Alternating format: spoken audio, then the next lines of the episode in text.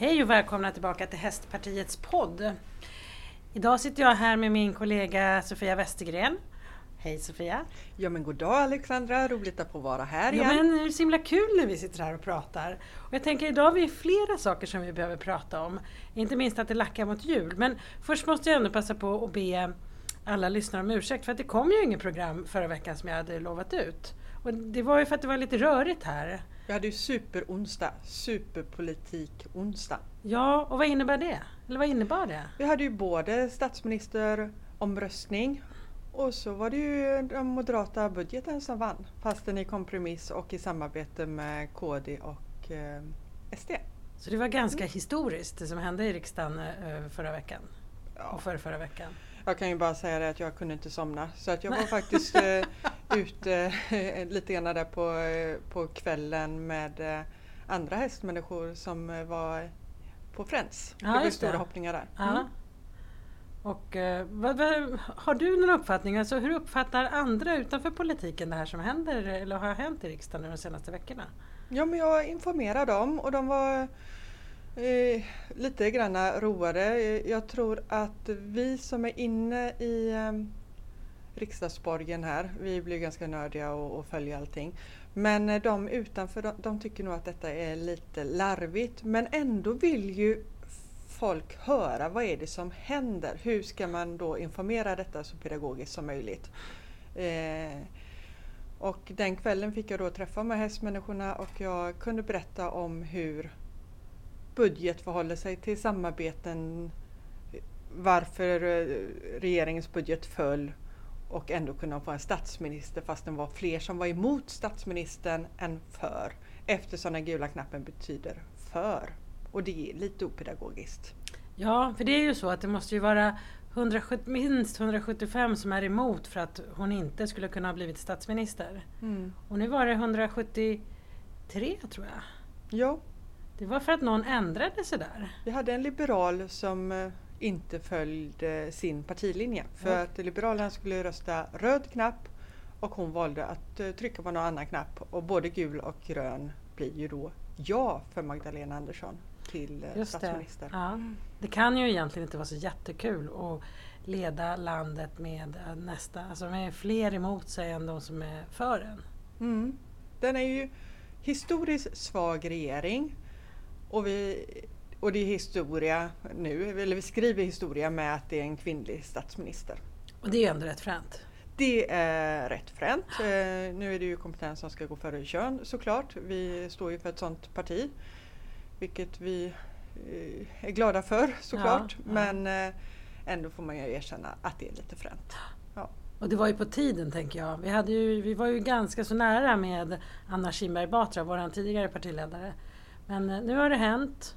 Och eh, för er lyssnare så här i riksdagen så finns det ett rum som heter Kvinnorummet.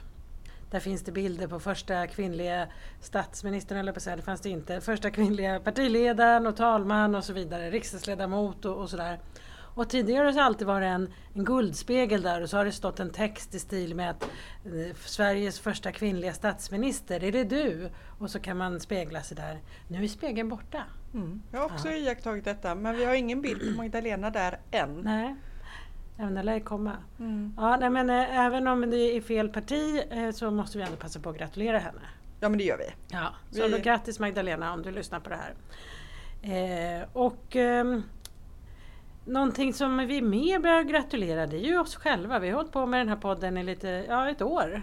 Ett år. Ja. Du är helt fantastisk Alexandra som har fixat med podden. Ja men du är grymt bra. Men det är så himla roligt och man lär sig så himla mycket.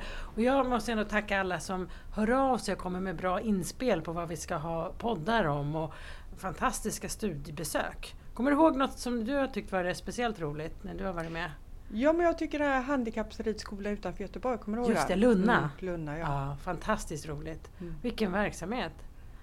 Ja, Och sen när vi var i Falsterbo och träffade Jana Vanjus Ah. och fick åka med bilen runt på eh, Falsterboanläggningen. lilla golfbilen där. Lilla ja. golfbilen. Ja.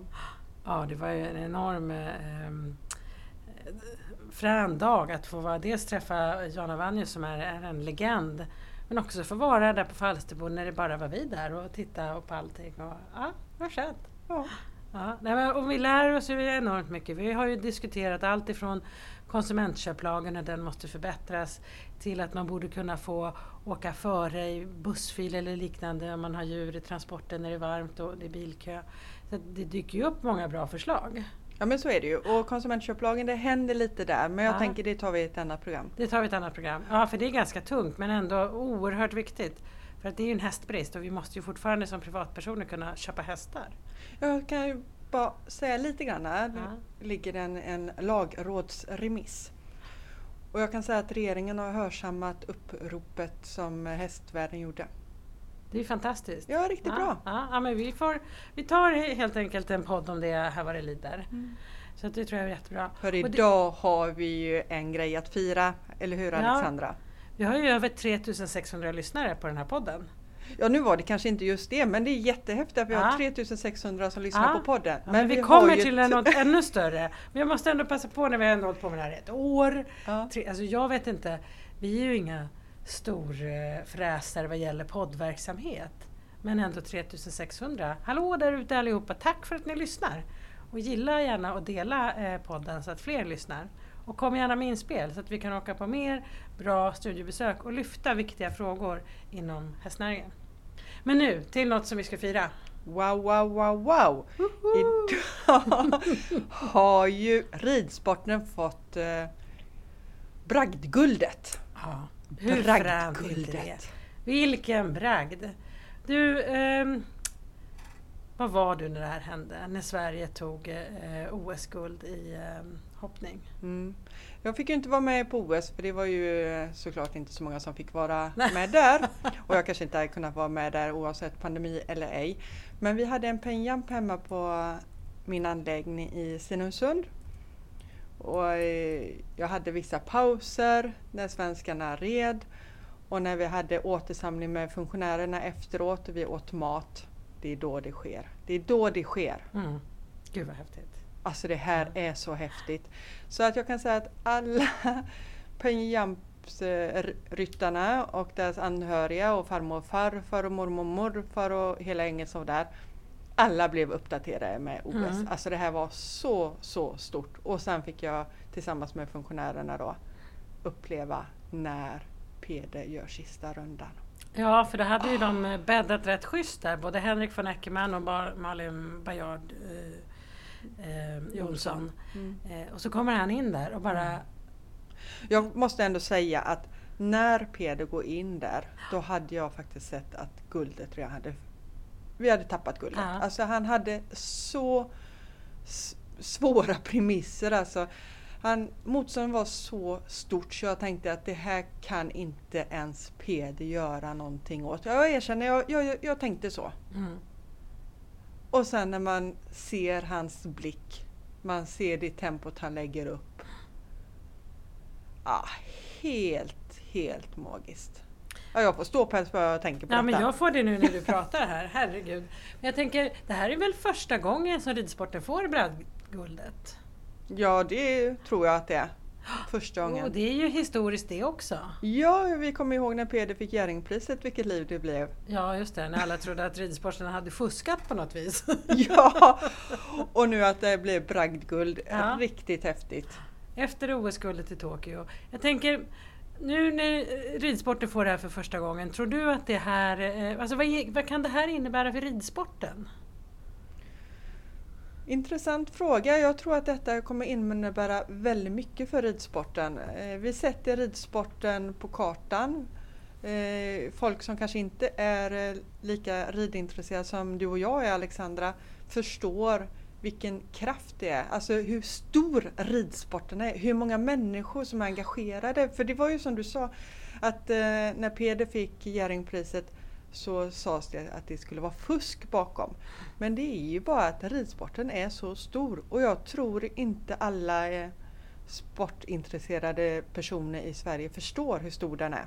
Nej. Det är dags för oss att ta plats.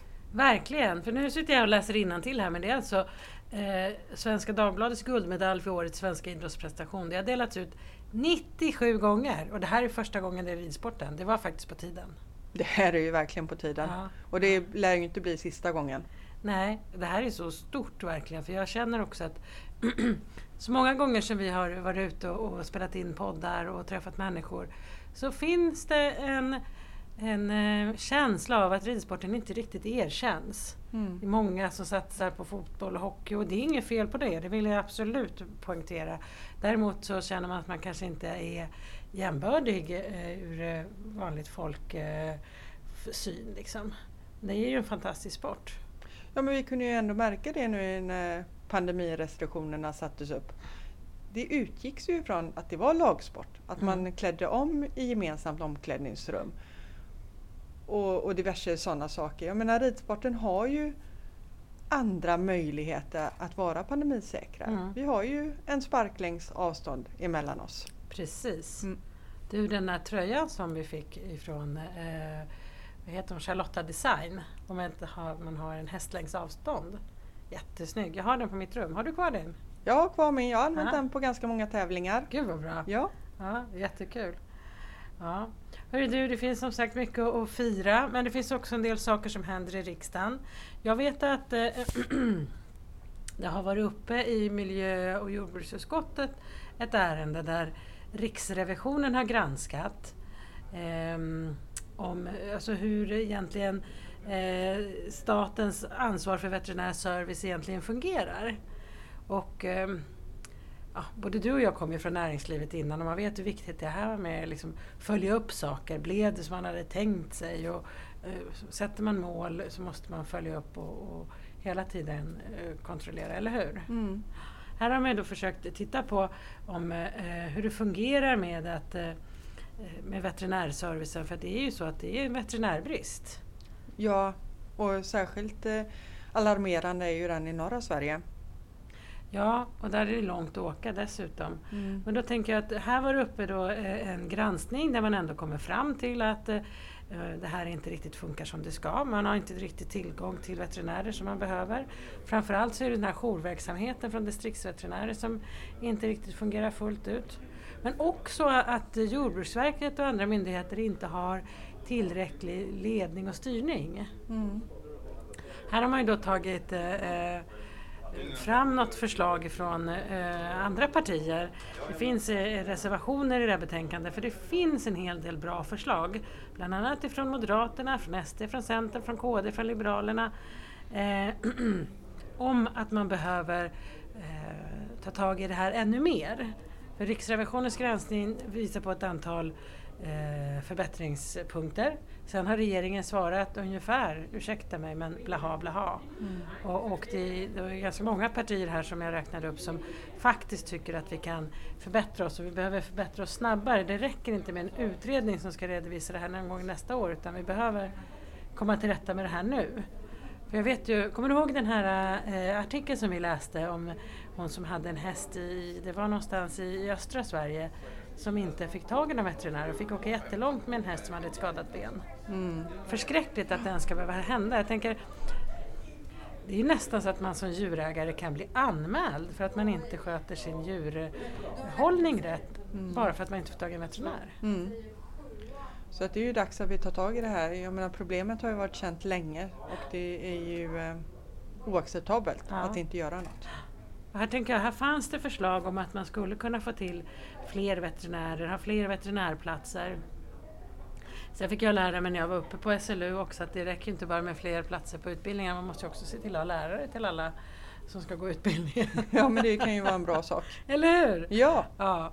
Eh, så att, eh, vi får väl se när regeringen tänker ta tag i det här men det här är ju verkligen en fråga som vi kan fortsätta att eh, driva för att eh, få någon ehm, Ja, sen har vi djurskötarna också. Ja, att det är fler som ska kunna... Ja, att de har större befogenheter ja. och kan användas till mer. Och sen har vi ju seminassistenter, att de också kan göra vissa veterinära sysslor. Ja. Vi har ju en jättestor brist på, på seminveterinärer. Just det. Ja. Och hästaveln är ju liksom på uh, Alltså då, det är ju svårt med hästavel. Inte minst med eh, Skatteverkets eh, regelverk och så men det är ju också eh, alltså en helt annan typ av hästavel i Sverige idag. Ja, jag menar vi har ju en internationellt erkänd hästavel i Sverige. Ja. Och ska vi kunna fortsätta ha den så måste ju veterinärer och seminfunktioner fungera väl. Eh, För det är ju en otrolig press. Jag menar eh, frusen semin så ska du ju kolla stoets ägg eh, hela tiden för Ja. att pricka rätt och, och det ska finnas semin och alltså det är jättesvårt. Ja, men ska man någonstans komma till rätta med hästbristen i Sverige och att vi inte ska behöva importera hästar från alla andra möjliga länder. Det blir ju också en svårighet om man som köpare köper från ett annat land eh, med eh, om hästen inte är tillräckligt hel och så vidare. Sen är det klart, det kommer en massa fina ponnyer som är jättetrevliga. Det ska, Ja, inte, ja. det ska man inte sticka under stolen med, men det är inte alldeles enkelt. Men det är ju roligt om vi står upp för eh, svensk avel. Verkligen, svensk avel och eh, svenska veterinärer. Ja. Ja. Hör du, nu är det ju eh, snart jul. Mm. Jättetråkigt här runt omkring när den här coronan bara verkar komma tillbaka. Den verkar Ja. gilla kyla alltså. Ja, kyla och fukt. Ja. Då trivs coronan. Så att nu gäller det att vi håller avstånd till varandra igen då. Det är ju lite tävlingsuppehåll nu. Mm. Finns det någon sån här, jag tänkte på det i morse, jag det var 17 minus när jag var ute och gick med hunden. Eh, och när jag tävlade i längdskidor i min Mm. ungdom då fanns det ju regelverk på hur kallt det, det fick vara max för att man skulle tävla. Finns det något Mm. sånt inom hästbranschen? Nej. vet du det? Nej, utan Nej. då får man nog hålla sig till sitt sunda förnuft.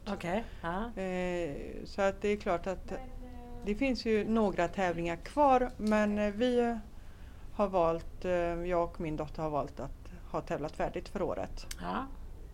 Ehm, är ni nöjda med året? Året har varit bra. Ja. Eh, Min dotter hon är ju 16 år så av och till så eh, har hon fått lov att tävla. Alltså till största delen har hon fått lov att tävla. Vi har haft vissa uppehåll när eh, restriktionerna har blivit på det viset att hon inte har fått lov att tävla. Då har Mm. vi ju heller inte tävlat. Vi har inte valt att åka till Danmark eh, och, och tävla de luckorna. Eh, Utan nu är vi nöjda med året. Det har Ja. varit ett jättebra år.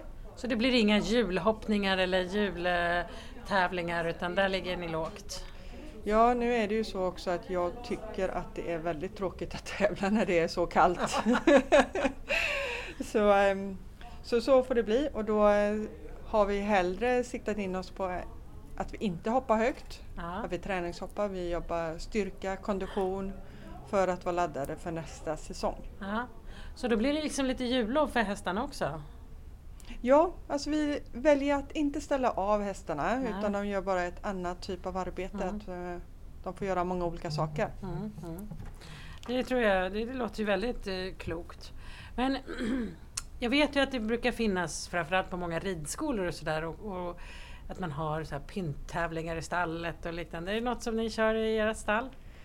Jag är nog lite tråkig där, man har tidsbrist ständigt. Så jag har flera påsar och kartonger med julpynt som hör Ja. till stallet. Eh, har kommit några ener faktiskt i, i de här eh, stora blomsterurnorna som jag har på Ja. utsidan. Just det. Och jag har också satt ut en eh, liten ljusslinga i eh, den stora granen på utsidan. Den kunde nog varit lite längre ljusslinga, den, den blev väl lite grann gles. Men den, eh, Var det Ja, att granen var för stor? ja, granen var för stor till den ljusslingan som jag slängde på. Ja. Ja. ja. Nej, men jag tycker det är så roligt och, äh, med såna här pynttävlingar och man kan verkligen se hur många går all in. Och det blir ju nästan lite, lite väl mycket, men eh, det är fint. Ja, Ja. Vi gjorde en gång, eller inte vi, men min dotter och och hennes kompis de eh, gjorde såna här pepparkakor, pepparkakshjärtan och så spritsade de en bokstav i varje pepparkakshjärta. Vi hade ju en Tinker då som hette Idefix. Så det blev det ett med i och så det och så skulle hon hänga det där på boxkanten. Grejen var ju bara att eh, våran Tinker och Ide där och, och Ullis som stod bredvid en nordsvensk, de älskar pepparkakor. ah. De lyckades ju snappa åt sig de där under natten så när vi kom tillbaka då hände det typ ett ex kvar.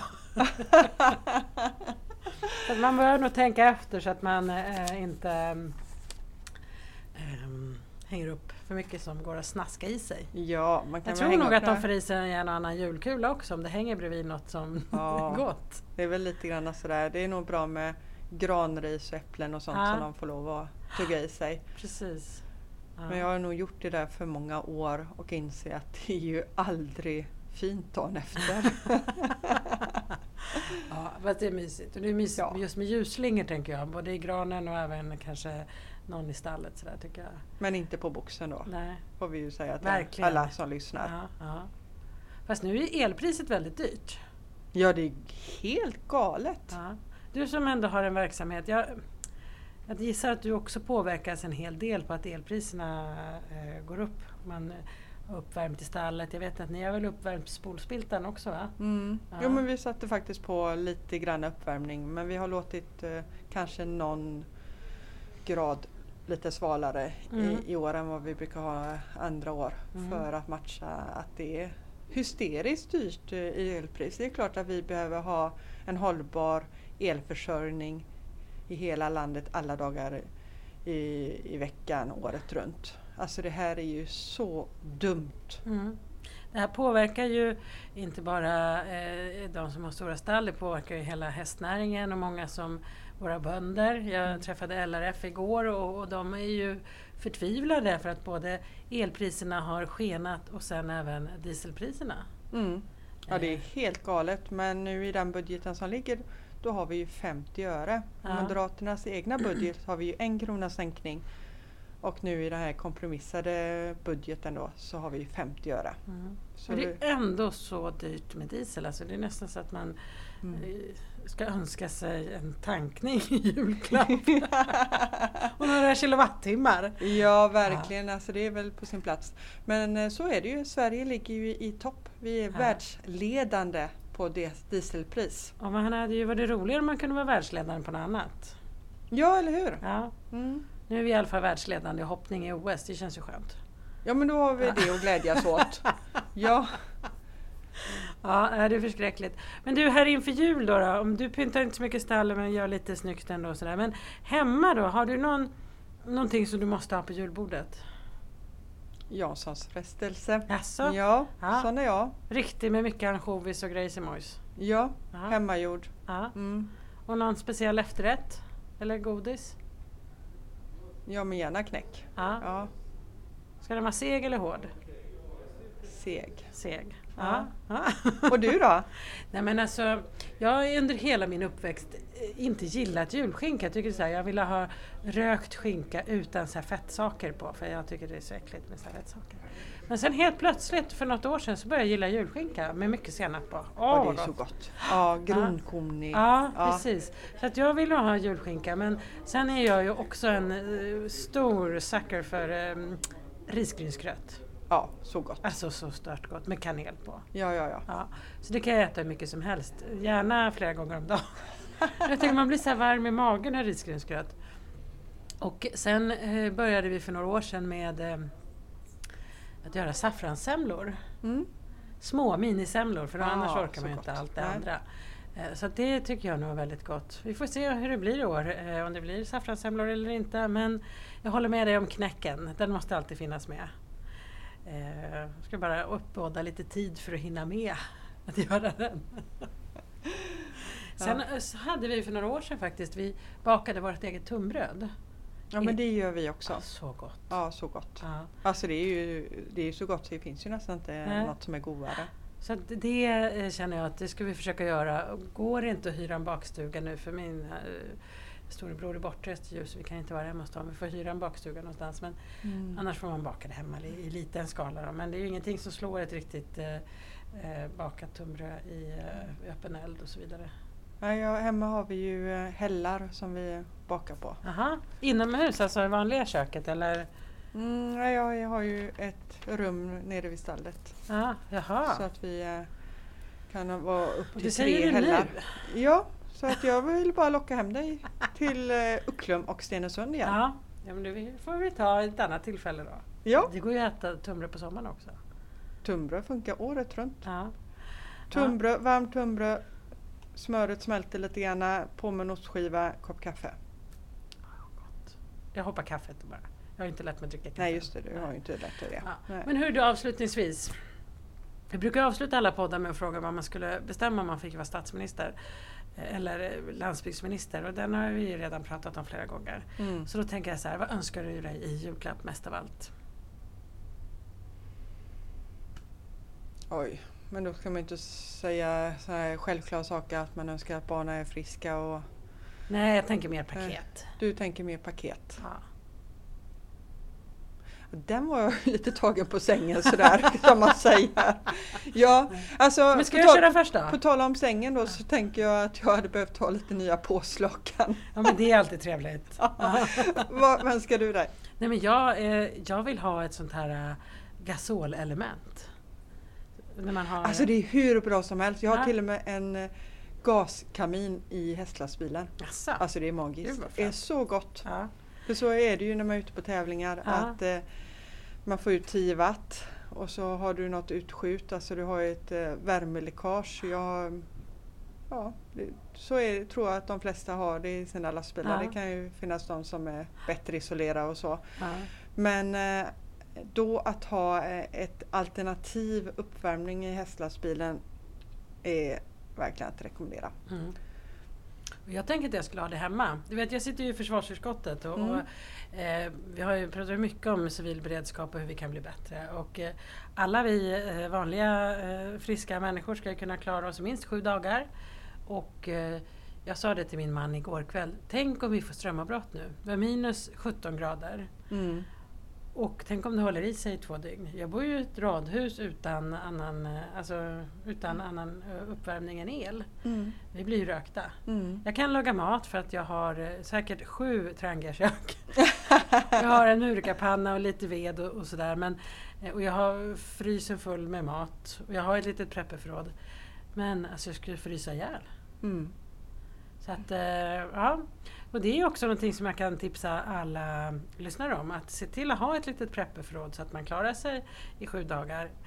Man behöver ju inte preppa massa konstiga eh, soppor eller någonting som man i vanliga fall inte äter. Utan man ska ju preppa någonting som man gillar att äta. Jag gillar ju eh, min familj att äta pasta så det är väldigt mycket pasta i mitt förråd. Eh, tomatsås går att använda till mycket. Men också en hel del soppor. Morotssoppa är gott så det har jag preppat.